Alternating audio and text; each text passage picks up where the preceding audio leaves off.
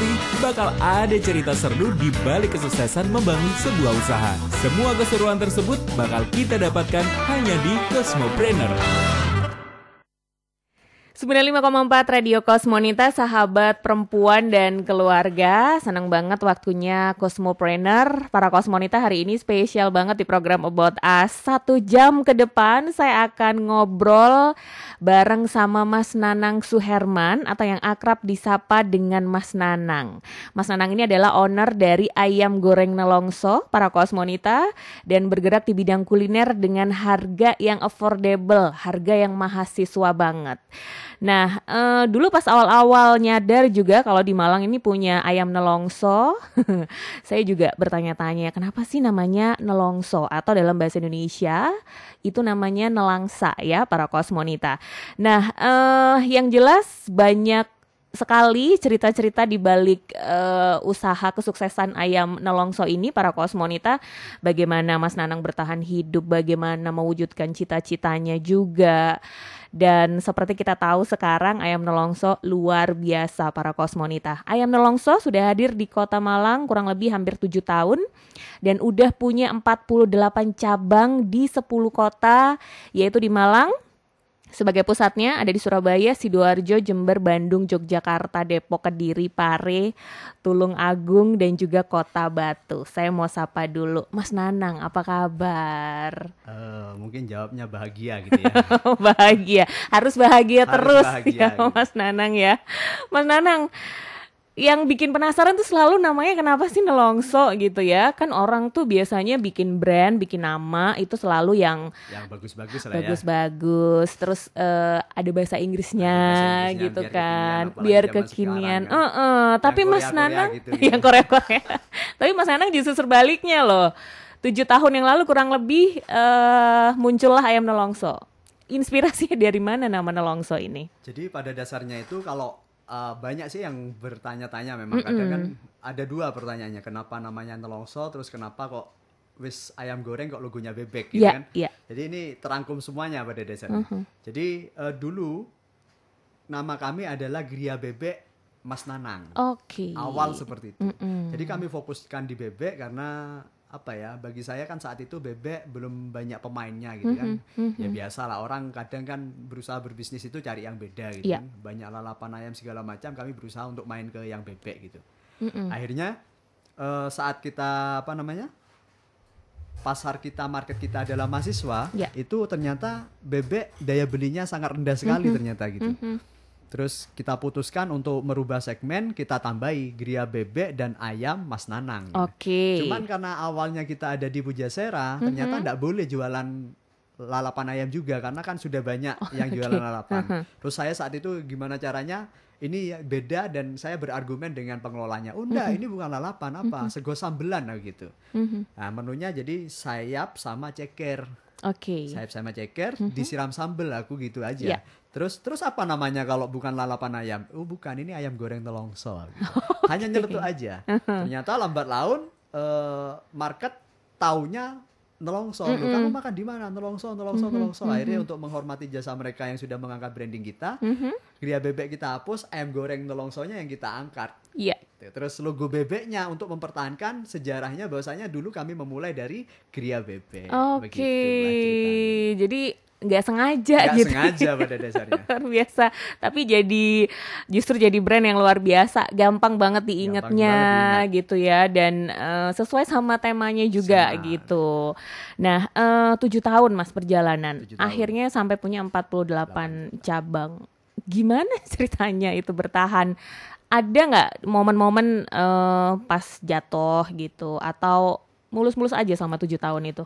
Uh, pada dasarnya kan gini itu sebuah sejarah kenapa kita juga buka 24 jam. Ya. Jadi kalau kita hitung matematis itu kan mm -hmm. satu hari sama dengan 24 jam. Mm -hmm. Berarti kalau apa e, kalau satu tahun itu 365 hari. Ya. Kalau dihitung jam sekian ribu jam gitu mm -hmm. kan. Mhm. Jadi kalau orang pada dasarnya yang pebisnis yang lain itu melakukan buka itu hanya mulai start jam 7 pagi atau mm -hmm. selama 12 jam, ya. pada dasarnya kan mereka hanya buka enam bulan. Mm -hmm kalau kita hitung matematis gitu. Okay. Sementara kami nelongso 24 jam gitu. Uh -huh. Itu yang pertama. Yang uh -huh. kedua eh, kenapa kita asumsikan buka 24 jam? Ternyata dalam kalender Malang ini satu tahun ini kan ada libur Mhm. mahasiswa libur tiga bulan untuk Ya. setahun sekali. Yang kedua ada tambahan lagi libur semester, itu Semester. satu bulan. Jadi empat bulan. Total berarti kita hanya buka 8 bulan. Ya. Kalau 24 jam nih, belum hari raya.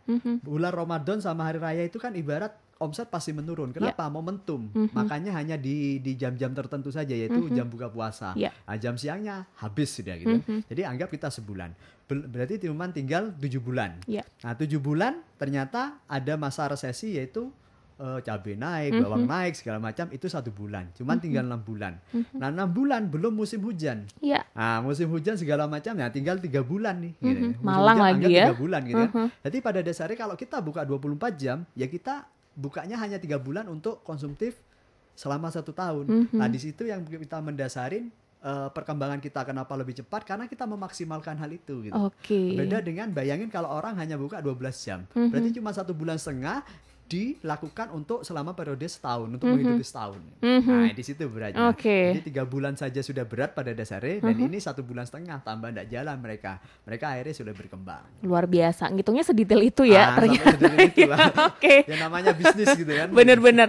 Makanya akhirnya ada yang 24 jam ya. 24 Oke. jam. Biar Kalau kita maksimal bukanya. gitu. biar maksimal padahal Setia setiap saat pacar lu aja kalah gitu. Iya, bener lebih setia ayam nelongso padahal saya kalau kalau mikir nih orang awam gitu yang ngelihat eh, mungkin oke mungkin eh, pengen eh, main juga di pasar 24 jam gitu ya yang lain-lain ternyata ada eh, hitungan yang lebih detail Lebih lagi detail dari lagi. Man- Mas Nanang.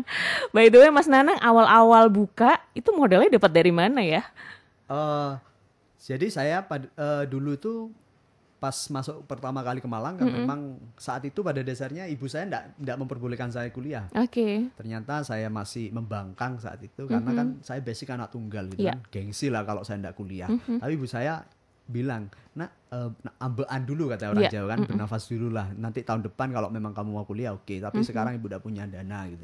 Tapi saya memutuskan enggak bisa Bu, aku kuliah saja gitu. Iya. Nah, akhirnya saya ambil di salah satu perguruan tinggi swasta. Ternyata benar 6 bulan ibu saya enggak bisa membiayain. Akhirnya di situ mulai perjalanan awal saya dalam meniti bisnis gitu. oke Jadi saya jualan koran, ya jangan dilihat bisnis itu uh, memang harus wah ya gitu kan. Jadi jualan koran bagi saya juga berbisnis kan karena Ya. saya tidak kerja ke orang gitu. betul Saya jualan koran. Cuman mindset saya saat itu gimana caranya? Saya kan orangnya licik gitu loh. Maksudnya licik itu saya bagaimana caranya itu eh, bisa segera bermalas-malasan gitu. Karena prinsip pada dasarnya gini, prinsip semua entrepreneur itu aslinya orang malas oke kalau orang rajin mereka jadi karyawan karena jamnya jelas jam 7 masuk gitu kan. Jadi pada dasarnya mereka Benar. orang malas. Tinggal bagaimana caranya mereka mencoba gitu kan, merumuskan untuk mengatur SOP agar bisa segera bermalas-malasan. Ya Iya. ternyata sama nih, satu frekuensi. oke Nah di situ saya mulai jualan koran, ya saya mulai menata sistem bagaimana caranya saya bisa bermalas-malasan. Ya jualan koran bener ternyata tiga bulan saya bisa menjadi agen kloper koran. Mulailah saya tidak bisa bermalas-malasan. Iya. Ya walaupun tutup dan banyak bisnis yang sudah mulai kita buka sampai saya buka besi tua sebelum menikah dan menikah tetap besi tua. Terus berkembang kami punya pabrik membangun pabrik biji plastik dan sempat titip ekspor Oke. ke Cina saat itu. ya Ya karena memang menggunakan dana perbankan, tidak nutut bunganya operasional dan lain-lain karena kurang detail, akhirnya bangkrut. Nah di situ awal muasalnya dan uang saya habis semua dulu. Ya kalau boleh sombong sih, eh, bahkan dulu itu sekelas kasur saya saja pun harga 35 juta. Oke Dulu, saking kayak saking ini nih lah ya gitu kan. Itu kasur aja gitu kan. Ternyata semua habis jadi jadi musola. Maksudnya jadi musola semua beralaskan tikar aja sih. Oke, heeh. Nah, cuman sisa uang habis, habis cuman sisa uang apa eh, televisi. Terus saya paksa untuk jual, laku 500 ribu dan saya saya putuskan untuk mencari bisnis yang lain. Oke. Ternyata masya Allah Allah kasih jalan memang karena memang kita terus berusaha ya. Ada sebuah tem- tempat di mana Karang Ploso disewakan oper kontrak dan saya DP dengan 500 ribu itu bisa gitu. Bisa ya. Nah di situ. Jadi modal awal memang lima ratus ribu. Model awalnya lima ratus ribu para kosmonita kebayang nggak? Saya kayak nggak ngebayangin sih lima ratus ribu terus pasti. sekarang jadi 48 cabang karena biasanya kalau yang cabangnya banyak biasanya awalnya modelnya udah kuat Modal gitu ya kuat, Mas iya. Nanang ya. Kalau ini beda lagi. Ingat nggak omset pertama kali dapatnya berapa? Lima ratus perak. 500 perak ya? Itu pun laku hanya kerupuk. Kerupuk aja. Jadi saya saat itu nggak bisa bayangin ini Heeh. apa sih gitu maksudnya orang ini apa gitu. Ya. Orang datang ke warung nasi cuma beli kerupuk doang gitu. Mhm, Ya saat itu kepingin, Pak sama nggak punya otak. saat itu saya Pengennya sempat, ngomong iya, gitu. Ya Allah gitu kan. Lah ini ru- warung makan buat beli es tehnya lah kayak Iya. atau beli lauk tempe atau apa. Ini bayangin cuma beli Mas kerupuknya ada ini. Oh ada Pak. Gitu. Cuma beli kerupuk doang ya Allah. Oke. Itu 500 perak awal. Mhm, lakunya. ternyata itu yang membuka rezeki yang berikutnya ya. Oke. Jadi modal 500, laku pertama 500 perak. Terus ya. Oke, seru ya para kosmonita. Eh mungkin Anda juga bisa merasakan eh, aura positif nih dari Mas Nanang, owner dari ayam ayam goreng Nelongso. Dan buat Anda yang pengen ikutan nanya boleh SMS atau WhatsApp langsung di 0815-nya 3 kali 678-954. Nanti Mas Nanang langsung jawab buat Anda. Kita lanjutin setelah yang satu ini.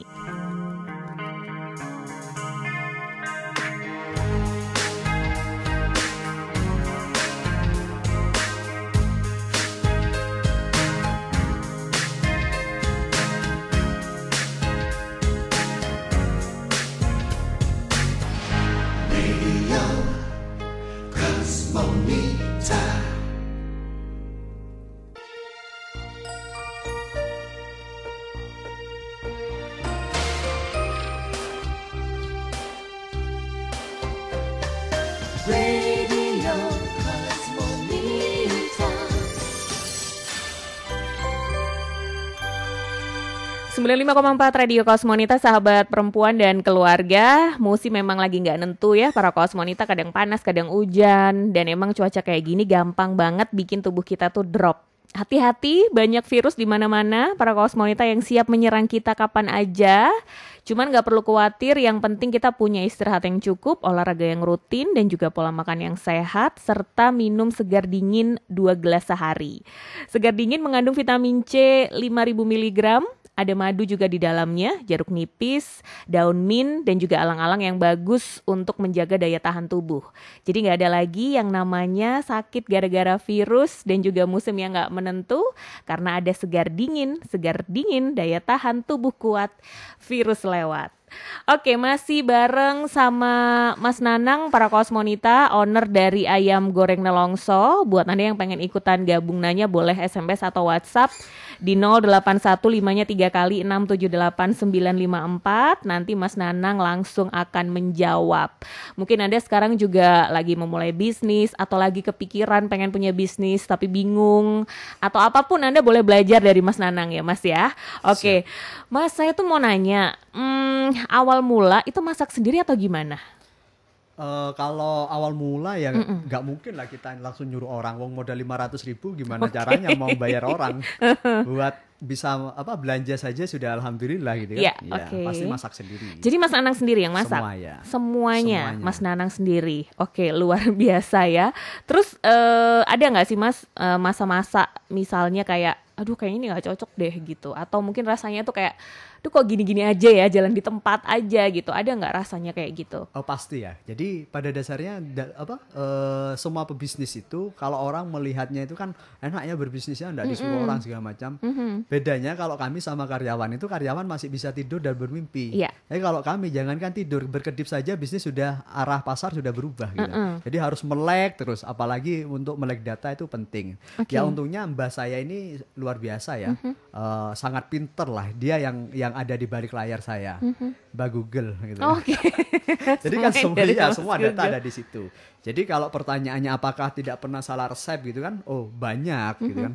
Kami mengeluarkan beberapa menu segala macam ternyata tidak diterima market itu banyak lah. Mhm. Cuman pilihannya kan dua. Ini benar-benar tidak diterima market atau momentumnya aja yang salah. Oke. Jadi eh, ada beberapa itu saat memang tidak diterima market, akhirnya kita tarik lagi, terus di momentum yang lain kita coba munculkan lagi dengan nama yang beda, akhirnya uh, ternyata diterima. Diterima gitu Nah, contohnya ya. dulu ini ada satu menu yaitu chicken pok pok. Dulu Mhm. kita sudah punya, tapi Yeah. bukan chicken pok pok namanya, Mhm. Eh, eh, chicken sauce gitu kan. Mhm.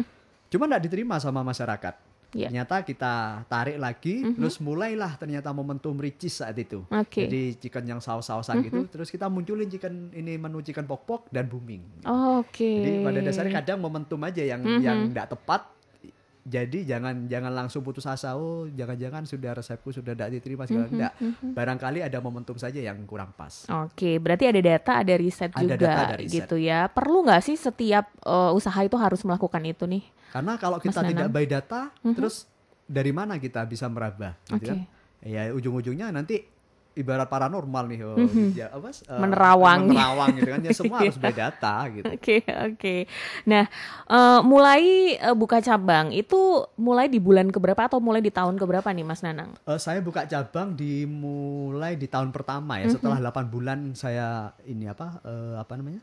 Eh, membuka. Iya. Membuka gerai itu 8 bulan saya memberatikan diri untuk buka cabang. Mhm. Kenapa? Ya memang saat itu saya punya prinsip itu saya harus ik- apa eh, kencengin ikat pinggang di gitu loh, untuk Mhm. bisa berkembang. Jadi benar-benar pure kita buka cabang tidak menggunakan permodalan siapa pun. Jadi Iya. memang dari hasil itu kita tabung untuk Mhm. investasi untuk produktif yaitu buka cabang itu. Oke, jadi ini semuanya adalah milik Ayam Nelongso, Ayam Nelongso. tidak franchise ya. Eh, bukan franchise tapi Bukan sistem franchise. kemitraan. Oke, Sistem ada sistem kemitraan Ada yang sistem kemitraan. yang dibangun Ya. gitu ya. Oke, dengan punya sistem yang bagus.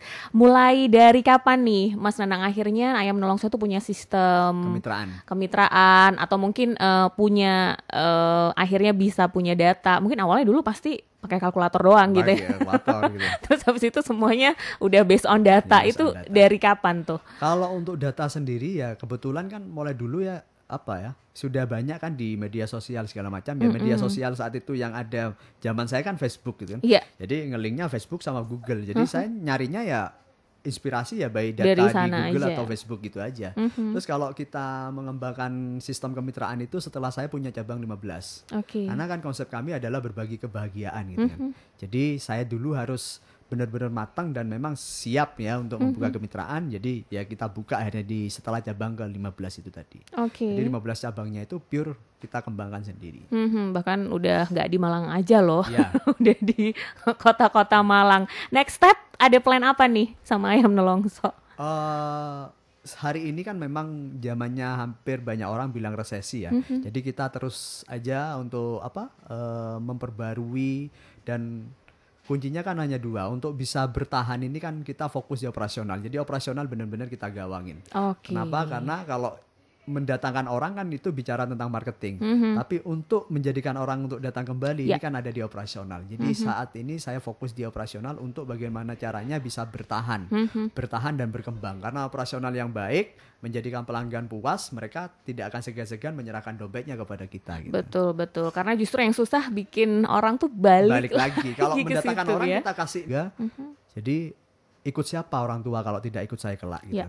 Terus istri juga ternyata anak tunggal juga. Mhm.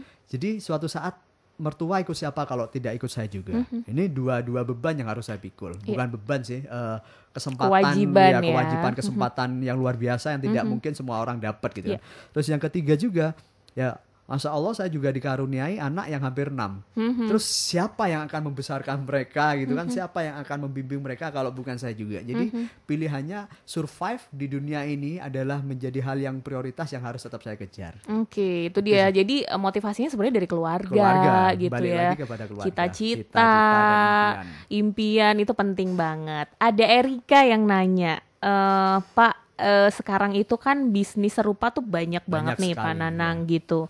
Gimana caranya supaya tetap eh, bertahan? Terus gimana caranya membranding bisnis kuliner khususnya ayam? Oke. Jadi pilihannya itu ada dua, Mhm. menciptakan jurang pemisah atau bertarung sekalian. Oke.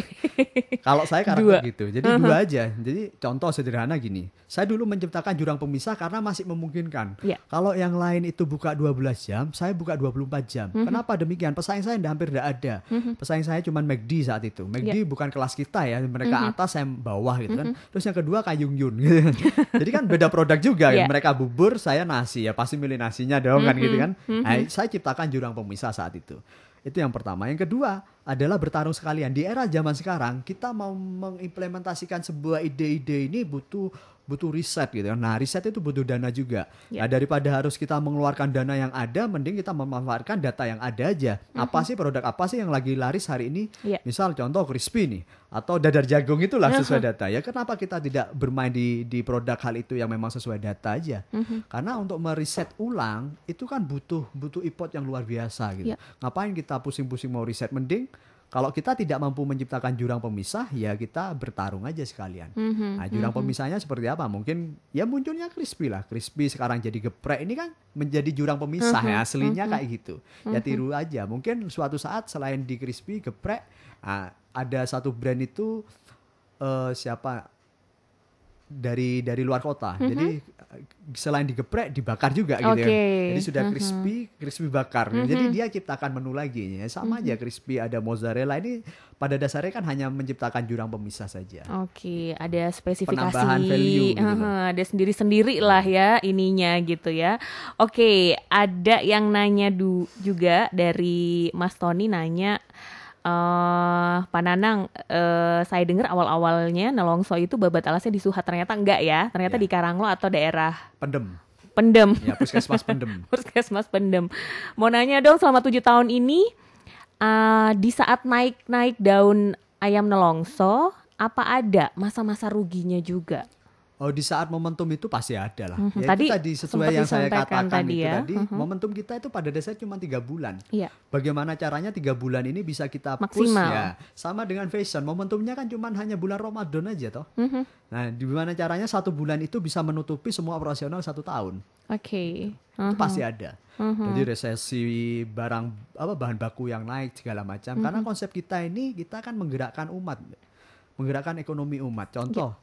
Saya hari ini misal harus tanam cabai sendiri pasti bisa, Mhm. tapi itu tidak kita lakukan. Cabai kita masih disuplai dari pasar, bukan petani. Iya. Harapannya apa? Petani bisa bergerak, Mhm. pengepul juga bergerak, pasar hidup. Mhm. Nah, Jadi semuanya saling mem- Semua saling membangun. memba- membangun gitu. Jadi dan itu jarang yang dilakukan. Otomatis orang kalau sudah besar ambil hulu, ambil hulu kayak gitu. Tapi kita enggak. Kita Mhm. Bagi-bagi rezeki Iya, kita ya. berusaha. Misal harus saya pangkas sekalipun lumayan loh 10 ribuan paling selisihnya per kilo. Tapi itu tidak kita lakukan. Oke, karena ada niat niatan Ah, ya, lain itu ya. Oke, eh Ade Rina juga yang nanya, eh Mas Nana gimana sih bersahabat dengan resiko? Karena kalau bikin bisnis itu berarti harus berani berdekatan dengan resiko. Mengal- berdekatan dengan resiko Mhm. pastinya. Jadi ya jadikan resiko itu bagaimana caranya dengan data itu resiko itu tidak tidak walaupun muncul tidak sampai membunuh kita. Iya.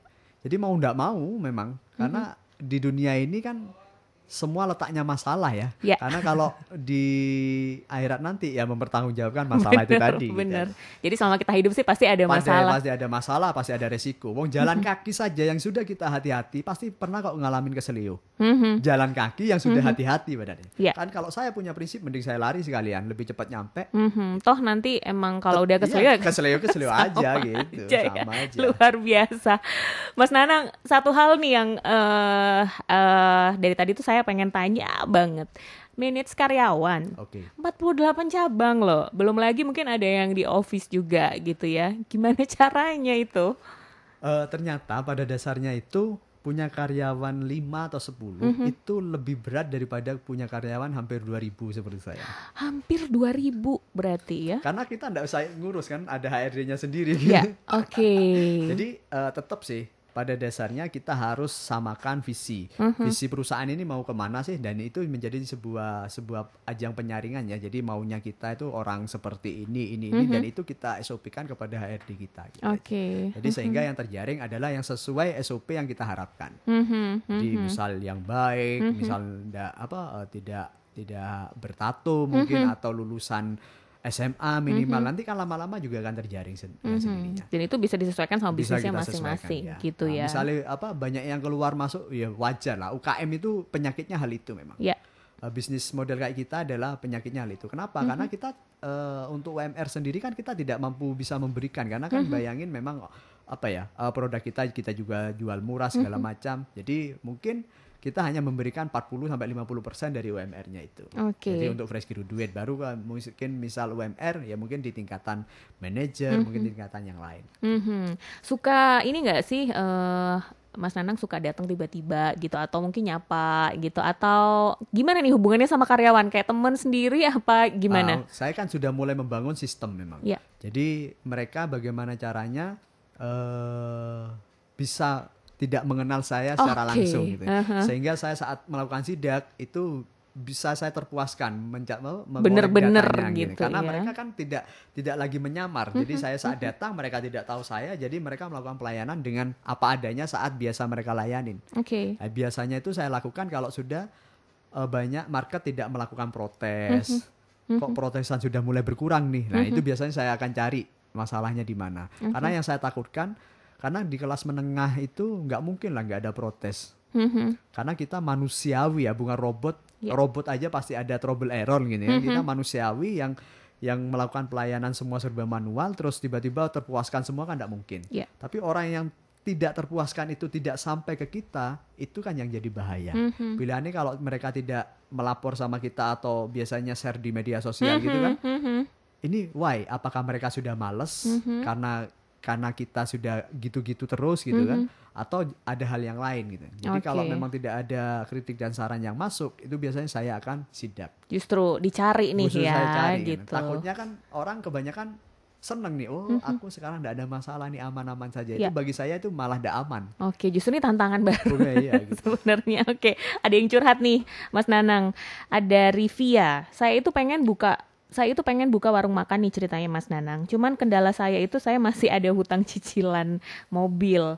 Gimana ya baiknya? Dan begitu juga saya merasa banyak warung makan di sekitar rumah saya.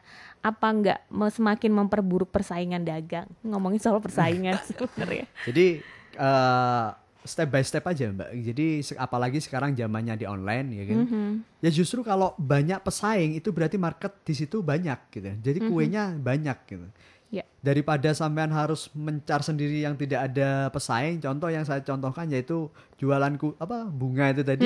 Jualan bunga terus di jalan raya memang tidak ada pesaing, tapi yang beli lo siapa kan Ya. gitu kan. Daripada kita langsung ke emperan dekat kuburan sekalian gitu kan jelas yang beli ada gitu. Jadi ada peluang untuk kita laku produk kita di situ. sih. Jadi buka saja bagi saya. Terus terkait dengan cicilan, saya kan pernah punya masalah perbankan juga sama. Saya merestart mulai dari nol itu lebih enak. Oke. Karena kalau sudah kena cicilan dan lain-lain semua berubah jadi monster. Apalagi istri gitu kan. Aduh, deg-degan ya kalau ada tanggalnya Iya, ya sudah kan, ada ya. tanggalnya. Jadi di rumah banget. lihat istri sudah jadi monster, keluar kelihatan orang pakai sepatu juga seperti monster gitu. Jadi semuanya semua ya. jadi monster Telepon bunyi udah kayak monster, juga semua, gitu. ya.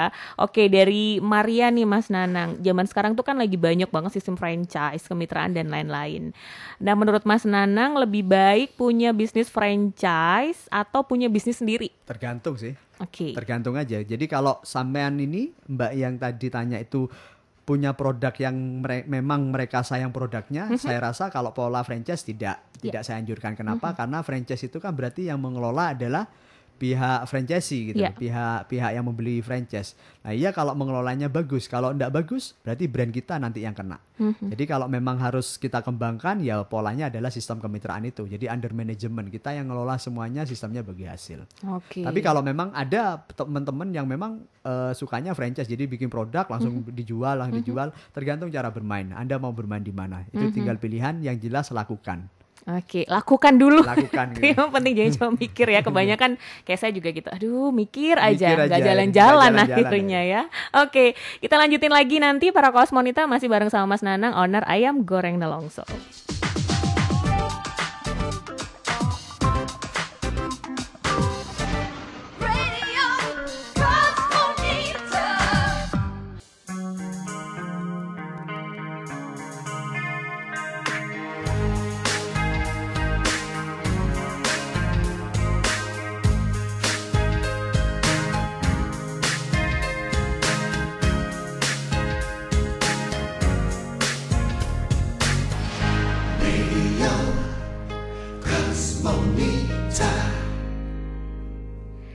95,4 Radio Kosmonita, sahabat perempuan dan keluarga. Mas Nanang dari Ayam Goreng Nelongso masih di sini. Para Kosmonita kita masih di Cosmopreneur nih yang hadir untuk Anda untuk menginspirasi atau memberi dukungan juga nih. Pasti banyak di luar sana saya yakin yang uh, mungkin udah niat pengen punya bisnis, pengen punya usaha tapi masih ragu juga atau yang sedang memulai para Kosmonita atau lagi bisnisnya bisnisnya lagi jalan juga nih. Karena harusnya sih kita bisa saling menginspirasi. Oke, uh, Mas Nanang, saya tuh pengen nanya juga tentang gimana sih sebenarnya prospek dan juga bisnis makanan di Malang. Karena kan macam-macam nih ya makanan ya luar biasa kalau menurut Mas Nanang sendiri gimana prospek ke depannya bakal seperti apa?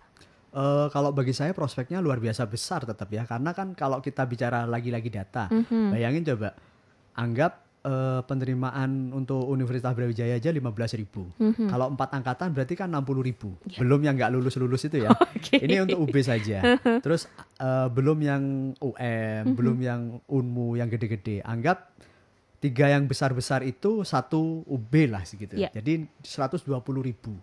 Terus belum yang swasta-swasta kecil-kecil. Mm -hmm. Anggap itu jadi satu UB. Berarti yeah. 60 kali 3, 180 ribu mm -hmm. mahasiswa. Stadion Gajayana aja enggak muat sudah. 180 ribu yeah. kali 10 ribu aja untuk jam mm -hmm. makan siang. Itu berapa miliar ya Pak? Yeah. Nah itu hanya, hanya untuk jam makan siang. Berarti mm -hmm. kan potensinya besar. Okay. Bayangin dengan jumlah uh, pedagang kuliner yang yang ada di Malang. Jadi mm -hmm. masih sangat besar kemungkinan apa uh, kesempatan itu untuk kita buka di bidang kuliner yang ada. Mm-hmm, Jadi mhm. sesuai data saja sudah seperti itu. Oke, okay. dari mahasiswa doang ya? Mahasiswa doang. belum, belum karyawan. yang belum yang mantan mahasiswa yang nggak mau pulang gitu kan. okay. Terus belum yang mau jadi mahasiswa. Jadi uh-huh. uh, kayak anak SMA calon, ya? calon-calon mahasiswa. Mm-hmm. Itu itu enggak kita hitung masih. Okay. Itu untuk mahasiswa aja 180. Belum wisatawan belum, juga belum gitu ya. Marketnya luar biasa gede. Oke, okay, luar biasa uh, Mas Nanang, apa sih sebenarnya tujuan hidup Mas Nanang? Kan sekarang udah punya 48. uh, eh, pada dasarnya kalau saya untuk biaya hidup aja di cabang 5 sampai 10 itu sudah cukup mm -hmm. ya mhm. gitu kan. Cuman kita lagi-lagi uh, karena konsep kita adalah berbagi gitu. Yeah. Maksudnya berbagi ya berbagi ilmu gitu kan. Mm-hmm. Saya saja berinvestasi cukup besar juga untuk memintarkan para manajer-manajer saya. Yeah. Harapannya ini misal kalau mbaknya sendiri punya adik, mm-hmm. jadikanlah manajer di tempat saya. 6 bulan mereka pasti bisa bikin bisnis serupa. Oke. Okay. Mm-hmm. Jadi memang kita berusaha untuk terapkan hal itu. Harapan mm-hmm. kita kita tidak ingin membuka kesempatan untuk kuli-kuli baru atau mm-hmm. kacung-kacung baru tapi kita melatih mereka untuk menjadi entrepreneur baru. Oke. Okay. Jadi luar dan biasa. bisa dibuktikan juga hampir 70% pesaing kita yang di Malang sendiri mm-hmm. atau di luar kota itu ex kami lah. Gitu. Oke, okay. anak didik ya anak didik, dulu ya. Seneng ya rasanya pasti ya, Mas Nanang. Saya menilainya gini, lo mas apa ndak takut jadi pesaing? Mm-hmm. Pasti suatu saat walaupun kamu genggam ilmumu seperti apa pun, mereka mm-hmm. tetap akan jadi pesaing kita loh. Yeah. Gitu. Mending kalau prinsip saya daripada saya bareng sama orang bodoh yang bikin saya pusing mm-hmm. gitu kan mhm. mending saya bareng sama orang pintar apa pun kelak suatu saat apa yang terjadi karena masa depan kan tidak ada yang tahu juga mm-hmm.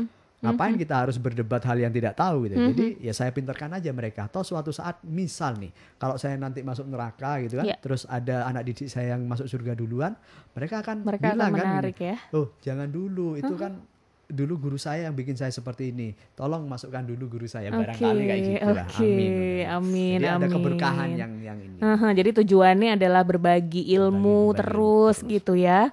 Dan nggak pernah takut sama yang namanya pesaing. Nah, Mas Nanang, sebenarnya ada nggak pesan-pesan yang mungkin uh, Mas Nanang tuh pengen sampaikan atau pengen transfer dari bisnis-bisnis yang Mas Nanang bikin selama ini? Ya itu tadi, dengan saya melakukan hal itu berarti kebaikan juga akan terus bergulir gitu, mm -hmm. sehingga kalau visi misi saya ini sampai kepada mereka, saya ingin apa menciptakan entrepreneur baru gitu mm -hmm. kan, mereka pun akan meniru dan banyak akan yang bisa kita selamatkan dari para anak muda anak muda yang lain. Mm-hmm. Saya mengajarkan si A, si A mengajarkan ke si B, si B mengajarkan terus. Ini kan adalah amal jariah gitu. Yeah. Jadi akan akan luar biasa berkembang. Mm-hmm. Jadi kita tidak akan tergantung pada siapa pun gitu. Mm-hmm. Itu yang pertama. Terus mm-hmm. yang kedua kalau mungkin saya bisa kasih nasihat itu kan mungkin orang kadang memilih gitu. Misalnya dalam sebuah hutan ini ada ada dua hewan gitu kan yang sangat mencolok yaitu singa dan rusa. Yeah. Karena kalau kita memilih itu kan orang pasti akan lebih memilih singa karena mm-hmm. kuat dan lain-lain. Mm-hmm. Atau misalnya takut ini pertanyaan jebakan, aku milih rusa aja deh gitu. Mm-hmm. Tapi pada dasarnya hidup ini ternyata tidak bisa milih. Mau jadi singa, mau rusa, kita Ya. harus tetap bisa berlari cepat. Mhm. Singa kalau tidak mampu berlari cepat dari binatang yang lemah seperti rusa, dia akan mati kelaparan. Mhm. Begitu pula dengan seekor rusa. Kalau dia tidak mampu berlari cepat dari seekor singa yang kuat, dia akan mati termangsa. Jadi mau jadi singa, mau jadi rusa, pilihannya sekarang itu bukan yang modal besar yang Mhm. menang, tapi siapa yang cepat dia yang menentukan hasilnya. Oke, siapa yang cepet, siapa yang mau usaha gitu, Jadi ya. cepat-cepat usaha, cepat-cepat berkembang gitu. Jadi Oke. kalau pilihannya kalau tidak mampu berlari cepat, mati sekarang. Mhm, bener-bener pilihannya cuman eh, jalan apa enggak? Jalan nama ya harus cepat ya, memang. Karena kan cepat. kalau ilmu sudah banyak lah. Google sudah banyak apalagi Kosmonita ya sudah banyak apa mendatangkan para praktisi-praktisi juga. Kan kita tinggal dengerin radio sudah banyak ilmu. Google sudah banyak ilmu. Apa coba yang tidak bisa disampaikan oleh Google dan YouTube? Oke, Semua sudah semuanya. data, iya semua sudah ada. Ada ilmu di apa pun sana ya. ada gitu. Mhm. Tinggal bagaimana kita yang menjadi pembeda adalah mengeksekusinya dengan cepat, Mhm. bukan bertanya lebih cepat gitu. Oke, eksekusi yang penting mulai dulu Mulai aja dulu. ya.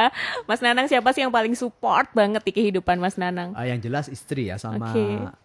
jadi wanita saya, istri, ibu dan mertua. gitu. Istri, ibu, mertua. Istri pasti supportnya luar biasa Pasti luar juga biasa. ya. Ikut-ikut berjuang juga gitu ya. Makanya ibu. kalau untuk pesan untuk para jomblo-jomblo Mhm. yang laki-laki ya carilah istri yang tepat lah. Oke. Karena dengan punya istri yang tepat, dia akan membimbingmu Mhm. untuk kita bisa membantu kita berbakti kepada orang tua dan mertua. Oke. Tapi istri yang tidak tepat ya hanya akan menjadi sebuah neraka gitu ya. Mhm, luar biasa ya. Mas Nanang terakhir ada pesan Siap. untuk eh, para kosmonita dan juga para kosmopreneur nih yang dari kemarin-kemarin udah nungguin banget Mas Nanang datang ke sini.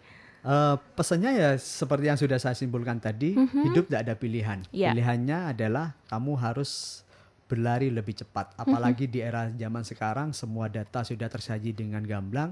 Pilihannya adalah siapa yang mengambil keputusan lebih cepat dia akan menentukan hasilnya. Oke, pokoknya siapa yang duluan deh, duluan bangun, duluan, bangun, usaha. duluan bangun, duluan usaha gitu. Semua peribahasa itu tidak ada yang salah. lah. Oke. Semua benar. Semuanya Jangan benar. kesiangan kalau bangun nanti rezekimu kecucuk pitik katanya gitu kan. Gitu. Ya benar. Jadi ya. siapa yang lebih cepat dia yang akan menentukan. Oke, luar biasa. Intinya harus cepet deh para kosmonita ya apa pun itu karena yang jelas penundaan adalah kegagalan ya. Benar, Satu benar. prinsip yang harus terus diperjuangkan dan terus diterapkan sama Mas Nanang para kosmonita kalau nggak jadi yang tercepat ya udah sih. Selesai sih. Teh. Selesai ya. Oke, Mas Nanang terima kasih banyak. Sama-sama. Saya Banyak- terima kasih. Banyak cerita dari Mas Nanang, owner ayam goreng Nelongso, para kosmonita di perjalanannya selama tujuh tahun. Hari ini eh, dari awalnya yang cuma 500 perak aja omsetnya, sekarang sudah menjadi 48 cabang yang ada di 10 kota. Kita sama-sama support nih. Semoga eh, bisnis yang kita jalanin sekarang akan berhasil termasuk ayam Nelongso juga Amin, ya. Amin, amin. Eh, membanggakan Kota Malang deh. Amin, amin. Salah satu franchise eh, kemitraan ya, Kemitraan. bisnis kemitraan ayam langsung dari Kota Malang yang ternyata bisa juga ke kota-kota yang lainnya dan semoga akan lebih banyak lagi ya Amin, amin. penerus-penerus Mas Nanang. Sekali lagi Mas Nanang terima kasih, sukses terus dan saya Dewi yang akan terus menemani Anda para kosmonita kita masih di rangkaian About Us sampai jam 2 siang nanti. Simak terus keseruan Cosmopreneur. Thank you for joining us. Radio Cosmonita